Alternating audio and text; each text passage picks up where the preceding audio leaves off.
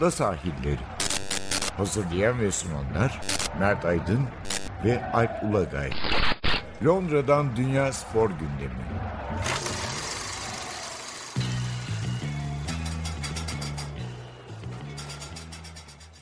Ada sahillerinden merhabalar. Ben Alp Ulagay. Ben Mert Aydın. Bu hafta biraz erken kayıt ve erken yayın yapıyoruz. Hafta başında bir araya gelmeyi başardık. Online olarak da olsa. Biraz Euro konuşacağız. En son belki biraz tenis var. Hafta başından yapıyoruz. Programımızı, podcast'imizi. Çok kısa belki şeyle başlarız. Üç kısa bölüm halinde yapacağız. Her takımı görmedik tabii. Biraz şampiyonayı konuşuruz. 16 takımı iyi kötü bir iyi görmüş olduk hani birer maçtan en azından. Çok kısa oraya göz atarız. Ben de biraz ilk, ilk gittiğim İngiltere Hırvatistan maçından biraz izlenimlerimi aktarırım. Ee, önce şunu sorayım. Yani iyi kötü bir takım maçları izledik.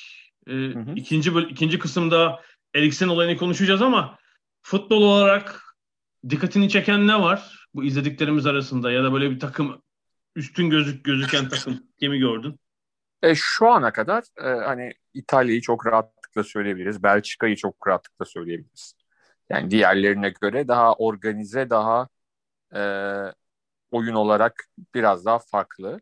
Ki yani Belçika'nın eksikleri olmasına rağmen öyle söyleyeyim. Hani belki de dünyanın en iyi orta saha oyuncusu oynamadı. Belçika'nın maçı ama e, buna rağmen hani İtalyanları da bize karşı tamam biz de iyi oynamadık ama İtalyanların iyi oyununu gölgelemez bu. Rusya ve Türkiye de çok kötü gözüktüler bu iki takımın iyi oyunuyla yani değil mi? Evet evet.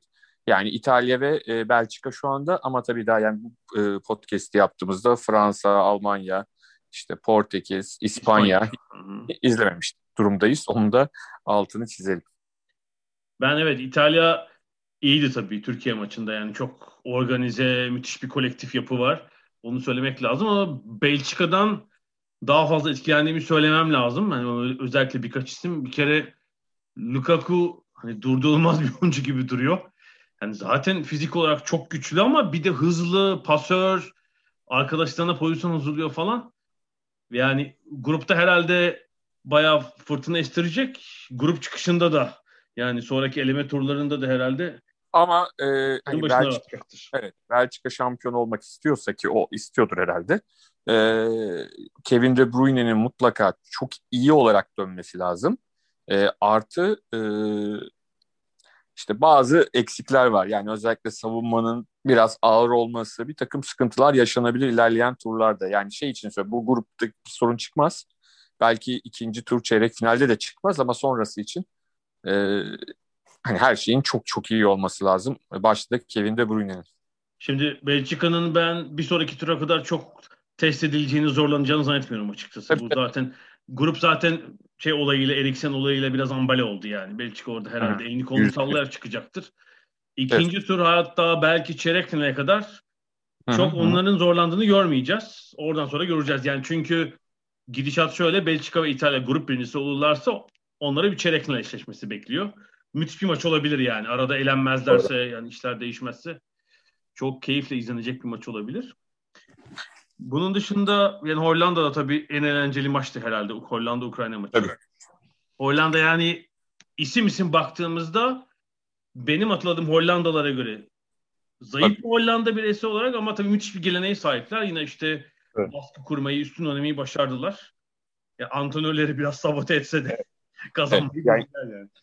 Tabii şunu da unutmayalım ama iç sahada da oynadılar yani. Hani onun da bir artısı var. Seyirci alındığını düşünürsek az seyirci çok ses çıkarabiliyor onu gördük. Ya sanki ee, Cruyff Arena'da değil mi? Full tribün evet. 50 bin kişi varmış gibi bir hava vardı, bir ortam vardı orada. Doğru, doğru. Ee, ama onun yanında senin söylediğin gibi hani işler Hollanda için iyi giderken e, Frank de Boer'un yaptığı değişiklikler e, birazcık takımın oyununu sıkıntıya soktu. Yani bu Yarmolenko'nun attığı muhteşem golün e, güzelliğini engellemez tabii ki ama e, gölge düşürmez ama sonuçta Ukrayna'nın oyun Ukrayna'yı oyunun içine e, sokmayı başardı takımın düzeniyle oynayarak e, Frank de Boer. Onu da birilerinin marke etmesi gerekecek. Ama yani hani şu anda görünen ilk maç üzerinden söylüyorum tabii ki. Bunlar zaman zaman yanıltıcı olabiliyor. Yani Hollanda'nın gelebileceği yer sınırlıymış gibi duruyor. Ben kendi şamamda yani Hollanda'ya grup birinciliği vermişim ama bir sonraki turda tabii F grubunun ikincisiyle eşleşiyor. E, çok kolay bir eşleşme olmayacak onlar için. E, biraz da İngiltere'ye gelelim. E, ben oğlumu İngiltere maçına götürdüm pazar günü İngiltere-Hırvatistan maçına. 90 bin kişilik Wembley stadında galiba işte 425 kapasiteyle herhalde 22 bin 22 bin 500 seyirci vardı. İlk defa gitmiyorum Wembley. Yani bir beraber gittiğimiz yani ayrı oturduğumuz ama beraber gittiğimiz Hı. bir Tottenham Manchester City lig maçı var. iki sezon evet. Sonra ben bir milli maça gittim. İngiltere Çekya milli maçına gitmiştim. O neredeyse tamamen doluydu. Zaten sonra dönüşü çok uzun sürmüştü benim için. Bir de en son işte bu sezonki herhalde bir ay oldu olmadı. FA Cup finalinde ben çalıştım ayrıca. TV bunun için. Hani bir kez daha Wembley yolun düştü. Tabii şey o son derece rahattı. Yani tam kapasite olmadığı için Tabii. gidiş dönüş çok rahat oldu. Yani şöyle söyleyeyim. Bizim eve hali ters bir yerinde Londra'nın. Yani Londra İngiltere'yi bilenler kestirebilir. Yani güneybatı Londra'dan kuzeybatı Londra'ya bayağı bir yol var aslında ama işte 4-10 kala çıkıp e, biraz yürüyüş, metro üstü trenle 5-15'te evdeydik. Yani bir buçuk saat. Vermiş hakikaten. Evet. Hani şey gibi e, stada bilenler için söylüyorum. Hani şey vardır ya radyodan. Fenerbahçe stadını bilenler için söylüyorum. Okul tarafındaki kale falan. Süper. Yani şansımız metroya yakın tribün, kuzey tribündeydik. Oğlan da hemen çıkalım baba falan deyince yani bitiş düdüğüyle fırladık. 10-12 ee, dakika yürüyüp metro istasyonuna vardık ve ilk şey oturup, vagona oturup rahat bir yolculukla Waterloo'ya geçtik açıkçası. E, maça gelince yani biz tribünde sıcaktan zorlandık çünkü İngiltere'de yaşayanlar farkındadılar. Bir sıra dışı hava var birkaç gündür. Dün maç sırasında da 27-28 dereceyi bulan bir sıcaklık vardı. Yerel saatte de 14'teydi. Yani güneşin tam tepede olduğu saatlerde maç başladı. Yani şunu da söyleyelim hani buranın buradaki 27-28 hani bizim İstanbul'da 35-36 civarına falan denk geliyor. Yani hissetme anlamında. Öyle söyleyeyim. Hani Tabii, öyle 27 derecede hissetmiyorsun ya. 30 küsür gibi hissediliyor. 30'ların üstüne çıkarın siz. Hissedileni ki şöyle şanslıydık. Hiç maç boyunca güneş alan tarafta değildik. Mesela ortak dostumuz Tuncay Yavuz o da oğlunu götürmüş. Onlar sanıyorum maç boyu güneş aldılar ve perişan oldular herhalde. Bu arada Onlar ünlü oldu abi. Var. İtalyan gazetelerinin birinci sayfasına geçen müthiş bir Eriksen pozları var gerçekten. Muazzam hatıra yani futbola meraklı bir çocuk için. Çok öyle. Benim oğlum hiç meraklı değil. Maç boyunca sıkıldı. yani hatta ikinci yarının ortasına şeye başladı. Kaç dakika kaldı falan diye sormaya başladı. Yani o yaştaki 11 yaşındaki kendimle karşılaştırınca tamamen farklı dünyalar olabilir. Doğru. Tabii. Başka hayatlar, başka dönemler var. Yani ben 11 yaşında artık işte hani defter, arşiv falan tutmaya çoktan geçmiştim. Ee, bir hani Dünya Kupası Avrupa Şampiyonası maçına gideceğim. Herhalde gözümü kırpmazdım maçta o zaman. E, maça gelince de dediğim gibi benim gözlemim bu sıcak hava herhalde turnuvanın en düşük tempolu maçlarından birinin oynanmasına yol açtı şu ana kadar oynananlar arasında. Yani ben öyle gözlemledim en azından stat'tan. Yani bir İngiltere'nin böyle bir ilk 15 dakikadaki 15-20 dakikadaki baskısı hariç düşük bir tempo vardı açıkçası. Bu yüzden bence İngiltere'yi bir de bir akşam maçında görmemiz lazım. Yani Cuma günü oynanacak İskoçya maçında ortam çok farklı olabilir bu bakımdan. Yani mesela biz bu podcast'i yaparken e, Çekya İskoçya maçı yeni bitti. Glasgow'da hava 14 derece. E, bu yüzden hmm.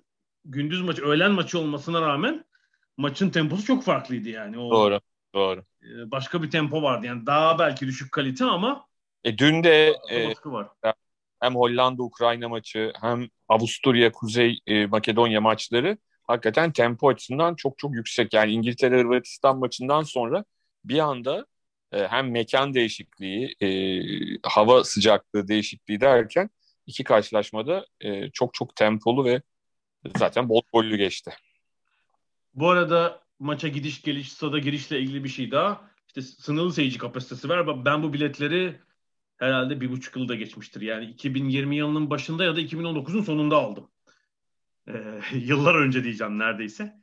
Aradan geçen sürede UEFA birkaç kere beni uyardı. İşte biletlerinizi iade edebilirsiniz. Paranızı, paranızı geri alabilirsiniz. Ben her seferinde biletleri muhafaza ettim. En sonunda da hani şansım var. Bu turnuvaya 3 bilet almıştım. İkişer kişilik. Üçünde de şanslı taraftayım ve şey çıktı. Biletler çıktı. Yani eğer kurada adım çıkan tarafta olmasaydım e, paramı geri alacaktım. Maça gidemeyecektim ama öyle olmamış. Bu arada sen piyango falan bir şey oyna yani bu arada. Yok orada hiç şansım tutmaz. Burada burada bir ufak şeyim var evet talihim var galiba. Ama bunun dışında tabii kağıt bilet falan kalmadı. Her şey cep telefonu üzerinden yürüyor ve zaten maç öncesi bir UEFA bilet aplikasyonu yüklüyorsunuz telefonunuza. İşte maça hmm. gelecek kişilerin bilgisini istiyor. Mesela benim adım var ama yanımda kim gelecek eşlikçi olarak? İşte oğlumun ismini girdim, pasaport numarası. Sonra tabii flow test denen bir basit şey antigen antikor testi isteniyor. Onu yaptık. E, işte onun negatif bilgisi cep telefonuna geldi ama işte sırada girerken cepten onu gösteriyorsunuz. Biletin barkodunu gişeden geçer, geçerken okutuyorsunuz falan hiçbir şey. Yani her şey telefonda dönüyor. Hatta özellikle tembihlenmiş. Telefonunuzun şarjının dolu olduğuna emin olun. İsterseniz yedek şarjınızda power bank'inizi de yanınıza alın falan diye sürekli uyarı geldi zaten aplikasyon üzerinden. Yani kağıt bilet dönemi bir süredir ölmekteydi. Bu da herhalde bunun tasdiklenmesi yani oldu yani. 4 aile onun için yaptı bunu kağıt bilet devri bitsin diye. kağıt üreticileri ne yapacak? Kağıt üreticileri. Evet bir maça da umarım birlikte gitme imkanı buluruz bu bendeki biletlerden öyle Yapmam abi falan demiş. Peki dediğimiz gibi daha turnuvanın tüm takımları bile izlemiş değiliz. Doğru. Bu bölümü çekerken o yüzden yani ikinci maçlar oynandığında biraz daha herhalde fikir sahibi olacağız. Her, her takım mesela bir akşam maçı oynadıktan sonra belki gerçek temposunu görmüş olacağız. Bu kısa bölümü bitiriyorum. Çok kısa bir ara aradan sonra Eriksen olayıyla devam edeceğiz.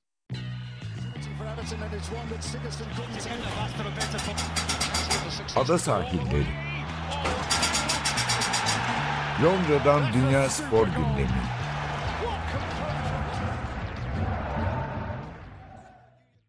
Ada sahiline devam ediyoruz. Euro 2020'yi konuşuyoruz. Ama herhalde maçların önüne yani bu ilk 5 günde maçların önüne geçen bir konu varsa o da Cumartesi günü oynanan Finlandiya-Danimarka maçında Christian Eriksen'in sağ kenarında devrilip ölümün eşiğinden dönmesiydi. Yani muazzam bir macera ve bir kurtarma operasyonu gerçekten. Sonra da tabii beni şaşırtan bir şekilde en azından maçın tamamlanması var. Yani bir değil mi herhalde bir iki saatlik ara mı verildi öyle bir şey oldu. Kalan Doğru. 50 dakikayı oynadı takımlar. Ee, bir önce yani çok kısa olaya gelelim. Muhtemelen dinleyicilerimiz zaten bir şekilde izlemiş, görmüş, haberdar olmuşlardır. Yani bir kez daha gördük ki bu tip konularda böyle işte ani kalp durması gibi sporda az da olsa rastlanan e, talihsiz olaylarda acil müdahalenin anında müdahalenin önemini bir kez daha gördük. Bir oyuncular ve hakem Taylor hemen farkına vardılar. Çünkü ben bir an acaba dedim bir çarpışma falan mı var? Yok. Gidip kenarda yani taç çizgisine doğru yürürken devrildi ki en korkutucu bir darbe olmadan bunun başına gelmesi. Sonra da tıp ekibinin e, medikal ekibin hemen müdahale edip işte o 13 dakika içinde e, Eriksen'i hayata döndürmesi var. Okuduğum kadarıyla statta görevli iki doktor Boysen kardeşler. E, Morten Boysen e, Kopenhag takımının 17 yıllık doktoru ama 3 yıldır Danimarka Futbol Federasyonu'na çalışıyormuş ve milli takımın doktoru aynı zamanda. Kardeşi de ilginçtir. E, maçtaki stat doktoru. Büyük bir tesadüf. E, bu arada milli badmintoncu falanmış bunlar çok ilginçler ama Boysen kardeşler çok zamanda müdahaleyle kalp masajı artı suni teneffüsle e, Eriksen'i hayata döndürmeyi başardılar. Yani sağdan çıkarken o bir çekilen fotoğraf vardı. O biraz hepimize umut verdi gerçekten. Ne evet, AFF muhabirinin çektiği.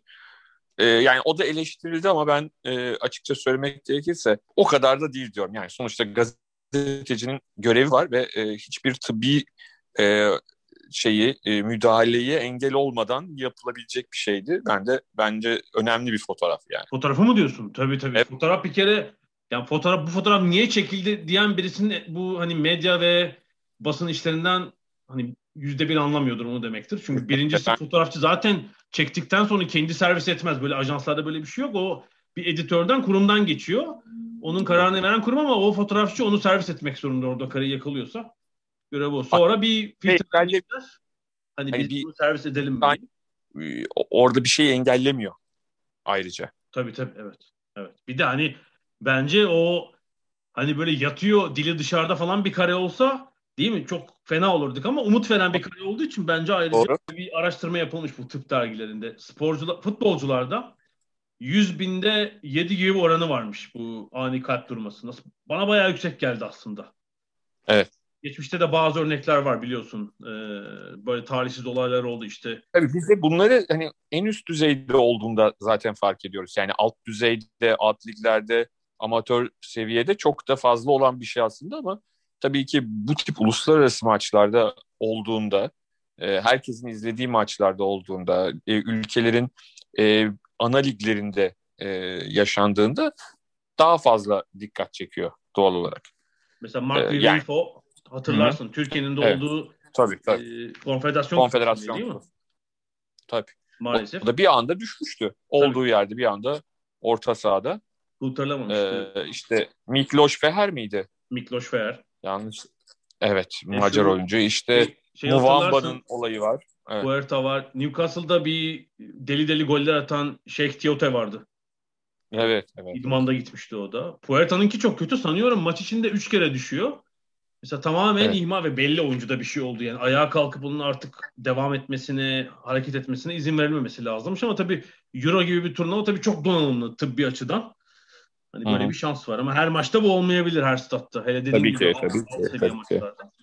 Böyle bir sıkıntı var. Tabii, tabii hani şuna gidiyor spor severlerin aklı. Ya bu hani acayip bir maç yükü var. Oyuncular evet. çok maç oynuyorlar. Bir de biliyorsun geçen sene bu mevsimde futbolcular birçok ülkede daha önceki sezonun lig maçlarını oynuyorlardı yani Haziran Doğru. yani bir e, adeta bir buçuk sezonluk bir dönemin içindeyiz yani biz Rashford'un vardı galiba Marcus Rashford sanıyorum 73 maç oynamış geçen Haziran'dan bu Haziran'a kadar yani evet. tek akıl olacak bir şey değil ee, sonra sen görmüşsündür ben The Athletic'ten paylaştım işte her milli takımdaki oyuncular geçen evet. sezon milli takımlarıyla ve kulüple kaç resmi maçlara kaç dakika oynamışlar? Mesela birinci İngiltere milli takımı tabii ki oyuncuları. Ortalama 3600 dakika oynamışlar. 40, 40 net maç eder. Yani 90 dakikalık 40 maç. Tabii yani şimdi İngiltere'nin e, şunu düşünürsen Chelsea ve Manchester City'li oyuncular Şampiyonlar Ligi finali oynadılar. E, Manchester United UEFA Avrupa Ligi finali oynadı. Yani zaten Avrupa'da da hani kendi ligleri ve kupaları hariç Avrupa'da da en çok kaç maç yapılıyorsa o kadar yaptılar hepsi. Tabii e, bugün Leicester'la ilgili bir şey dinliyorum. Leicester City 60 maç yapmış bu sezon. Hı hı hı. Yani ki işte finale kadar gitmedi mesela Avrupa'da.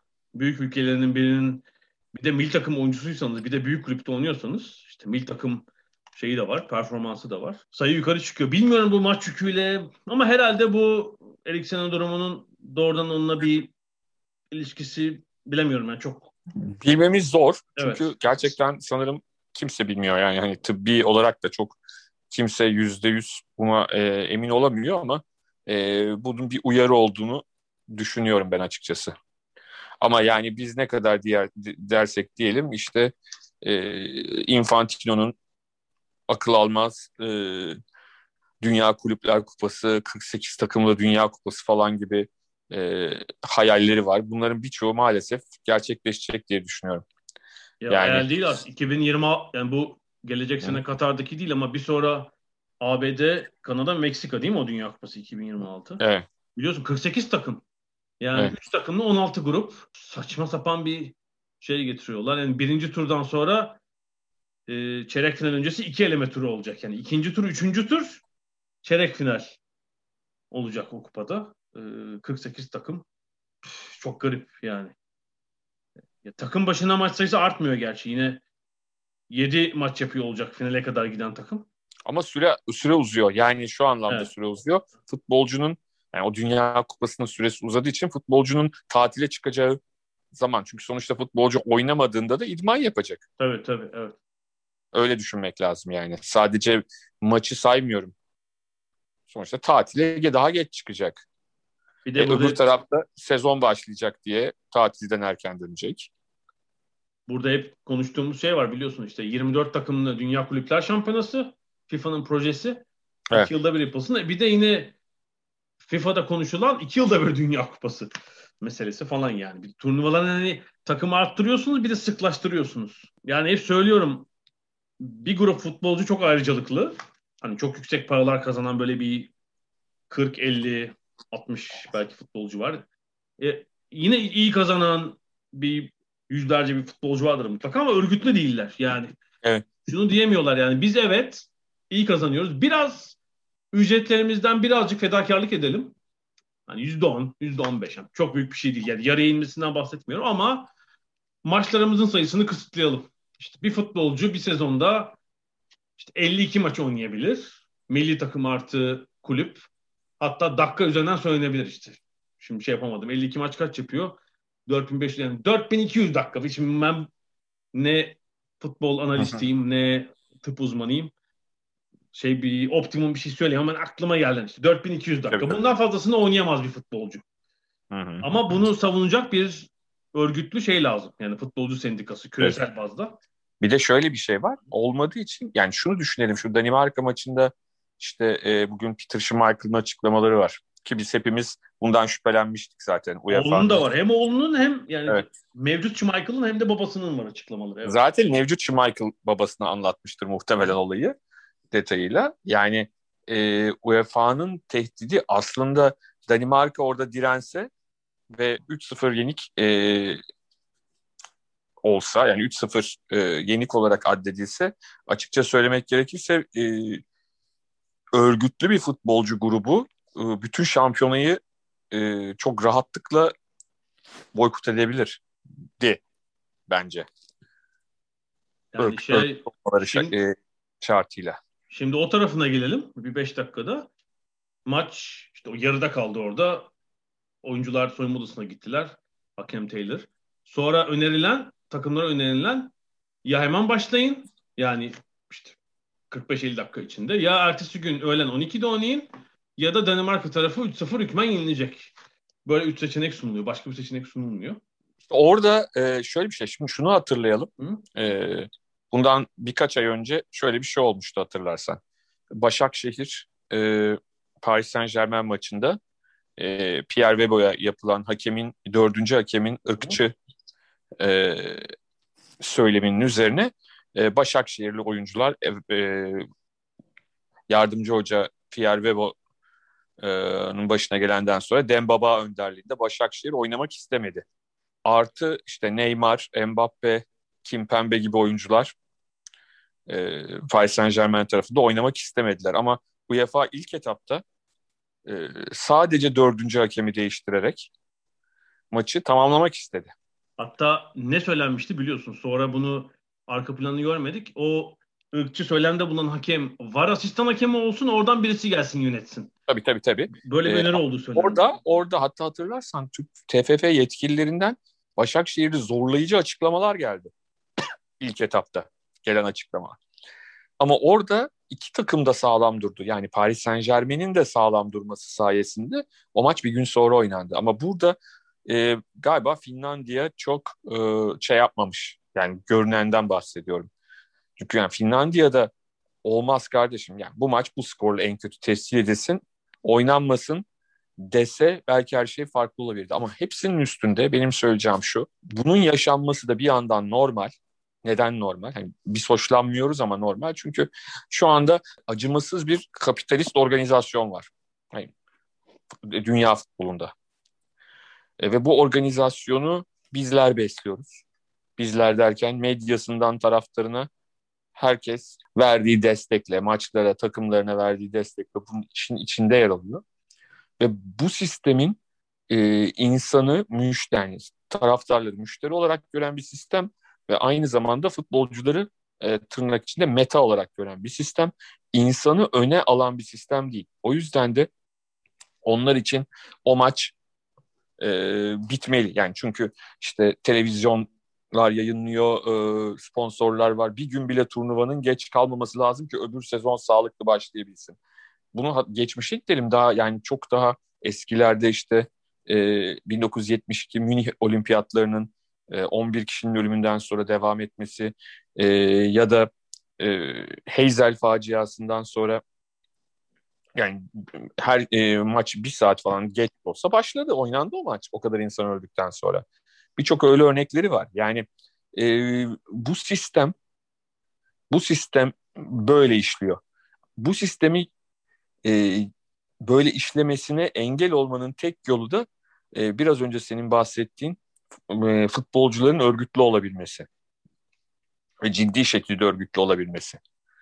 Bunu yapmadıkları sürece nasıl olsa siz çok para kazanıyorsunuz sloganıyla işte bir gün 48 takımlı Dünya Kupası, 177 takımlı bilmem ne, 300 takımlı. E kendi ülkemizde görmüyor muyuz? Yani 21 takımlı lig oynandı yani. Tabii yani 24 oynatmak gerekirken değil mi? 21 oldu. Eksik oldu bir takım. ben senin yanlısıyım canım. Her ilimizi de temsil eden takımlar olsun. Ee, ben ıı, şurasına kasılmayacağım. Hani sen endüstriyel dedim. Bence tam anlamıyla endüstriyel değil. Çünkü tam anlamıyla endüstriyel, endüstriyel olsa zaten e, futbolu bu Süper Lig projesi var ya onlar çoktan yönetiyor olur. Ve mesela milli takım organizasyonları daha küçük falan olurdu. Yani böyle işte büyük kulüplerin Avrupa çapında kapıştığı, çok daha büyük gelirlerin söz konusu olduğu bir e, ekonomi olurdu. Daha büyük olurdu bu iş. Yeterince büyük değil çünkü yani. Hala çok spor büyük değil. Diğer dünya ekonomisiyle kıyaslandığında işte bu dev şirketlerle falan hala küçük. Ya bence burada ben söylüyorum bir açıkça bir yönetişim problemi var. Bu sene bu kaçıncı UEFA'nın UEFA diğer örgütler içinde söz konusu ama UEFA'nın bak bu kaçıncı rezil olması. Bak Paris Saint Germain Başakşehir maçı. Neredeyse işte oyuncular posta koymasa maçı oynatacaklardı orada. Sonra Weber röportaj verdi. Globale çıktı Türkiye'de. Bir özür falan dilememişler. Ha. UEFA'dan bir kişi aramamış Webo'yu. Özür dileriz nasılsın sonra bak. Şu Süper Lig projesi Rusya ve İngiltere'nin siyasi desteği olmasa meseleyi çözemiyorlardı. Disiplin soruşturması vardı. Birden geri adım attılar. Çünkü kulüpler Avrupa Adalet Divanı'na gittiler. Ee, bir orada bir uzun süreç olacak. Bu da üçüncüsü şimdi. İşte can söz konusuyken hala teknik olarak tabii. yani maçın oynatılması derdinde UEFA. Yani tabii, liderlik tabii. yok. Avrupa futbolunu yönetemiyorsunuz. Büyütemiyorsunuz da ayrıca. Yani potansiyelin de gerisinde kalıyorsunuz. Yani bu bir şekilde bu yapının değişmesi lazım. Yüzde yüz. Burada bir sıkıntı var yani. yani mesela evet kurallar bunu söylüyor olabilir. UEFA'nın işte yönetmenindeki 29.2 maddesi denir ki işte maç yarıda kalırsa ertesi gün 12'ye kadar oynanır. Ama burada başka bir durum. Yani burada bir mesela liderlik lazım. UEFA başkanı mı icabı diyecek ki arkadaşlar tamam böyle olabilir. Biz iki takımla konuşuyoruz. Hatta gruptaki diğer iki takımın temsilcilerinden de onay alıyoruz. Diyoruz ki bu maç 0-0 böyle nöt bir sonuçla tescil ediyoruz. Oyuncular kendilerine gelsinler. Tabii. Hatta işte iki takım oyuncuları için söylüyorum sahadaki. Destek mesela Danimarka'nın 3 oyuncusu biz turnuvaya devam edemeyeceğiz. Benim psikolojim uygun değil. Mesela üç, onların yerine 3 oyuncu almasına izin verilsin. Takım Finlandiya'da da olabilir. Birebir şahitsin çünkü e, BBC yayınına dikkatini çekmiştir. Yani bu İngiltere'de yorumcular eski futbolcu hatta bazıları mevcut futbolcu olduğu için çok insanlar çok özdeşleştirdiler kendi durumlarıyla tabii. Hani benim de başıma gelebilirmiş ya da hala gelebilir. Evet. Biz seyirciyiz sonuçta ama yani oynayan ya oynamış olanlar için daha korkunç bir durum yani. Hiç bunlar yok. Maçta oynatılsın mutlaka falan gibi bir durum var. Ya olsaydı ya Eriksen hayatını kaybetseydi ne olacaktı? Hı. Ne olacaktı? Yani o zaman hangi Danimarkalı oyuncuya iki saat sonra sahaya çıkabilir? Hangisi çıkabilirdi ya? Yani biz bugün yani, konuşurken program dışı şey yaptık. Hani aynı şeyi öngörmüşüz. Ben Danimarka turnuvaya devam etmezdi diye düşünüyorum mesela. Yani bence çekilirdi. Hı. Bir kadar tehdit etsinler yani. Ve de büyük e, şöyle diyeyim ben sana UEFA'nın bu e, çok affedersin tırnak içinde salaklıkları e, işte o Süper Lig falan oluşturmak isteyenlerin işine geliyor. Yani bunları örnek olarak göstereceklerdir. Bugün bile hani bizim Türkiye'deki e, sosyal medya kullanıcıları bile işte UEFA'ya böyle dediniz ama işte bak tarafına tuttunuz UEFA'da böyle falan gibi anlatabildim mi? Yani aslında e, yapılan bu hatalar e, birikiyor birikiyor ve insanların e, UEFA'yı ciddi şekilde ya da bazı zamanlarda FIFA'yı sorgulaması neden oluyor. Yani bir tane şey de biliyorsun şimdi Copa Amerika yani anlatabildim mi? Yani orada da e, orası istemiyor, burası istemiyor. Zorla Brezilya'da yapıyorlar. E, açılış maçı Brezilya Venezuela ya. Venezuela sanıyorum 5 kişi eksik çıktı. 13 oyuncu galiba Covid pozitif. Ülkeden apar topar oyuncu getirip bir kadro oluşturup çıktılar sahaya. İyice komedi yani. Zorla oynamaya çalışıyorlar turnuvayı. Evet evet yani işte bunlar e, büyük yönetim krizi. Peki Eriksen kurtulduğu için çok sevinçliyiz. Evet. evet. Umarız yani spor hayatına devam eder ama etmese de ondan önemlisi onun 50 yıllık bir daha ömrü var bundan sonra. Umarız sağlıklı bir hayat sürer. Bundan sonrası en önemlisi oydu açıkçası. Bu hafta için. Bir küçük ara daha veriyoruz. Aradan sonra da biraz tenis konuşacağız.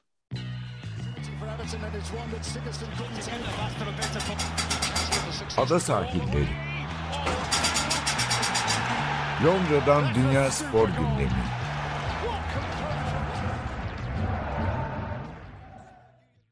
Ada sahiline devam ediyoruz. Biraz da tenis konuşalım. Malum yılın ikinci Grand Slam'i Roland Garros sona erdi Paris'te. Maalesef pek iyi takip edemedim bu sene. İşte elimdeki birkaç iş, bu Euro'nun yaklaşması, Euro maçları falan derken biraz turnuvayı ıskaladık açıkçası. Evet. Kendi açımdan bunu söyleyen benim her zaman her şeyi bir arada takip etmek mümkün olmayan bir sürede işte. Erkeklerde özellikle Novak Djokovic'in iki inanılmaz maçla yarı final ve finalde turnuvayı noktalaması ve 19. Grand Slam'i kazanması herhalde bu seneki Roland Garros'un olayıydı. Önce Cuma günü bence asıl büyük işi başardı ve 13 kez daha önce tek erkeklerde şampiyonluğa ulaşmış ezili rakibi diyebileceğim Rafael Nadal'ı 4 sette yenmeyi başardı ki biz işte dışarıda arkadaşlarla bir açık hava pub'da Türkiye-İtalya maçını izliyorduk. Maçın sonunda sıkılıp tenise geçtik ve 3,5 saate yaklaşırken 3 set sona ermemişti. Yani 3 setin tiebreak'i oynanıyor. Dedim herhalde 5,5 saat oynayacaklar ama son sette Nadal birden çözüldü. 2-0'dan sonra 6 oyun verdi ve maçı kaybetti. Yani Djokovic'in yani zaten çok iyi oyunculuğun üstüne bu inanılmaz zihinsel direnci ve tabii fitness seviyesinin e, rakipsizliği turnuvayı almasını sağladı herhalde. Yani e, finalde de 2-0'dan bir de Çiçipas'a maçı çevirmesi ama 2-0 olunca herhalde böyle bir şüphe herkeste vardır. Değil mi yani? Evet yani Çiçipas bence ikinci seti vermeliydi falan diyormuş ben de. tabii tabii yumuşatsın. Yumuşatsın. Çünkü yani tabii ki espri yani ikinci seti verse 3-1 kaybederdi muhtemelen. evet tabii. İşmeyecekti. Ama ben hala aynı fikirdeyim. Hatırlarsan e, hani bir keçi tartışması daha önce de yapmıştık. E, Birçok sporla ilgili yapmıştık ke- te- tenis için de yapmıştık. Ya ben dediğim gibi e, Nadal, Federer, Djokovic üçlüsünü ayırmıyorum. Yani o üçünün e, toplu olarak GOAT olduğuna yakında inanacağım yani öyle söyleyeyim. Hani birini diğerinden ayırmak istemiyorum çünkü hani üçünün de e, tek başlarına e, çok domine ettikleri dönemler oldu. Yani şu anda da e, bunu Djokovic başarıyor. E, bakalım hani Wimbledon'da da belki 20'de hepsi birleşecekler. Evet Grand... çok olmaz gerçekten. 20-20-20 olabilirler. İşte bir Ama ben evet, bence asıl e, bu adamlarda Djokovic'te şimdi şaşırtıcı olan bu zihinsel kısmı. Yani fiziksel kısmını e, şeylerle ne derler işte teknolojik imkanlarla e, çok da çalışıyorsanız bir şekilde o seviyede halledebiliyorsun. Zaten çok yetenekli. Fiziksel anlamda da o desteği alıyor ama zihinsel kısmı e, evet destek zihinsel alabilirsiniz ama yüzde 99 sporcunun kendisine bağlı bir şey. Şöyle bir şey var. Ee, çok sevgili Cem Çetin var. Sen de tanırsın. Ee, gazeteci. Hala gazetecilik yapıyor ama asıl öğretim üyesi.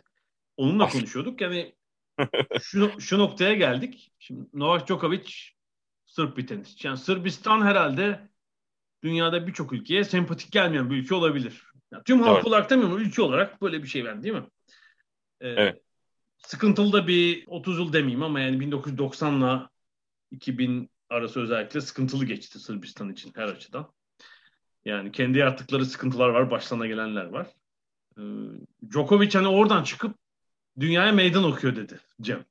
Tabii yani, yani daha rahat yerlerde. Hele yani Federer İsviçre'den, Nadal da neydi? Mallorca'dan mıydı? Mallorca'da, evet, Mallorca'da.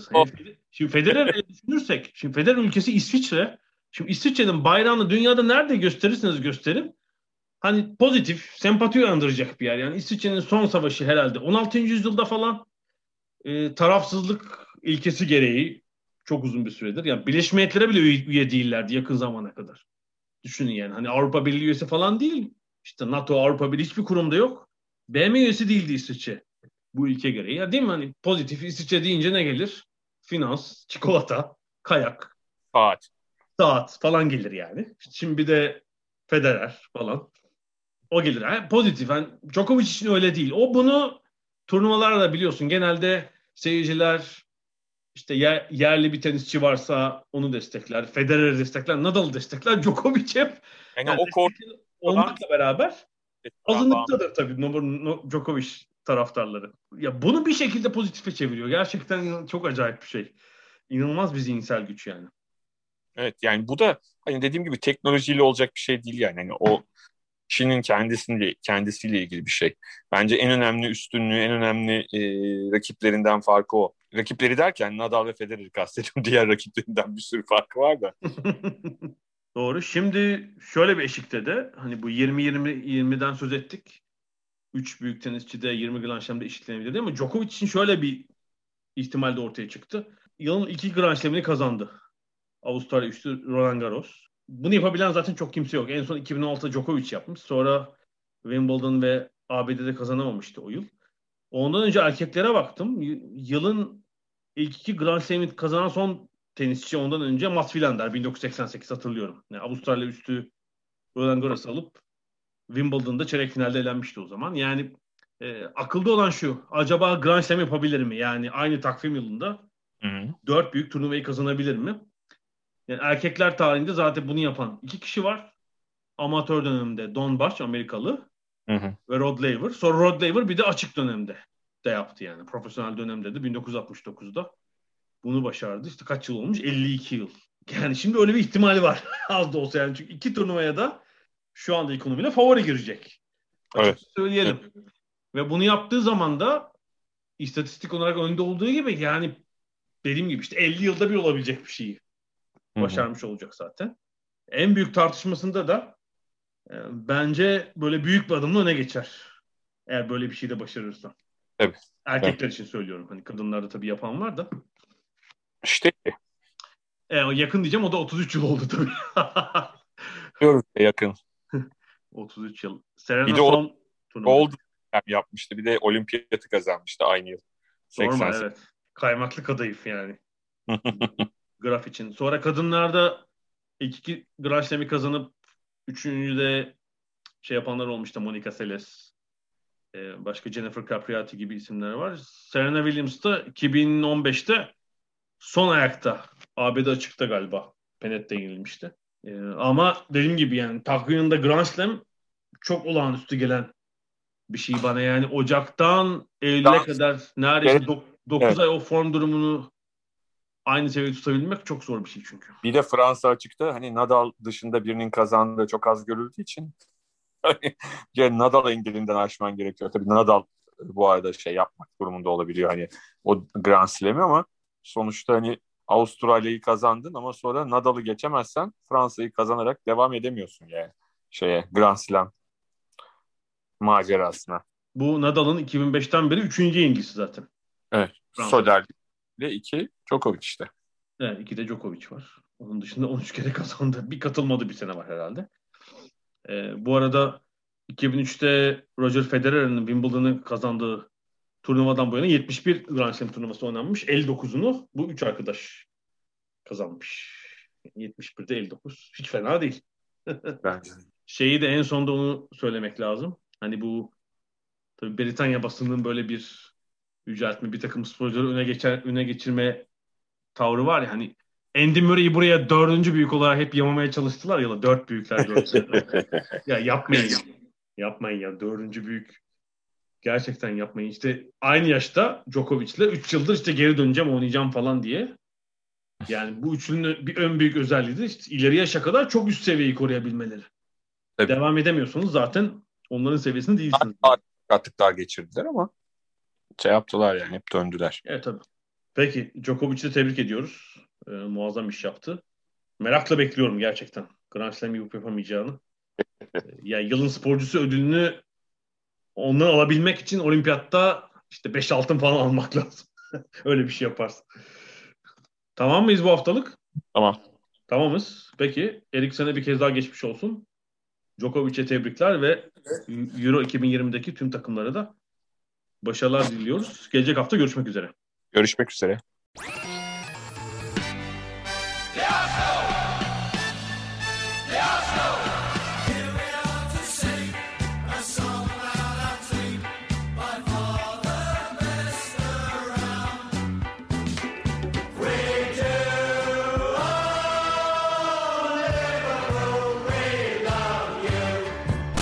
Ada sahilleri.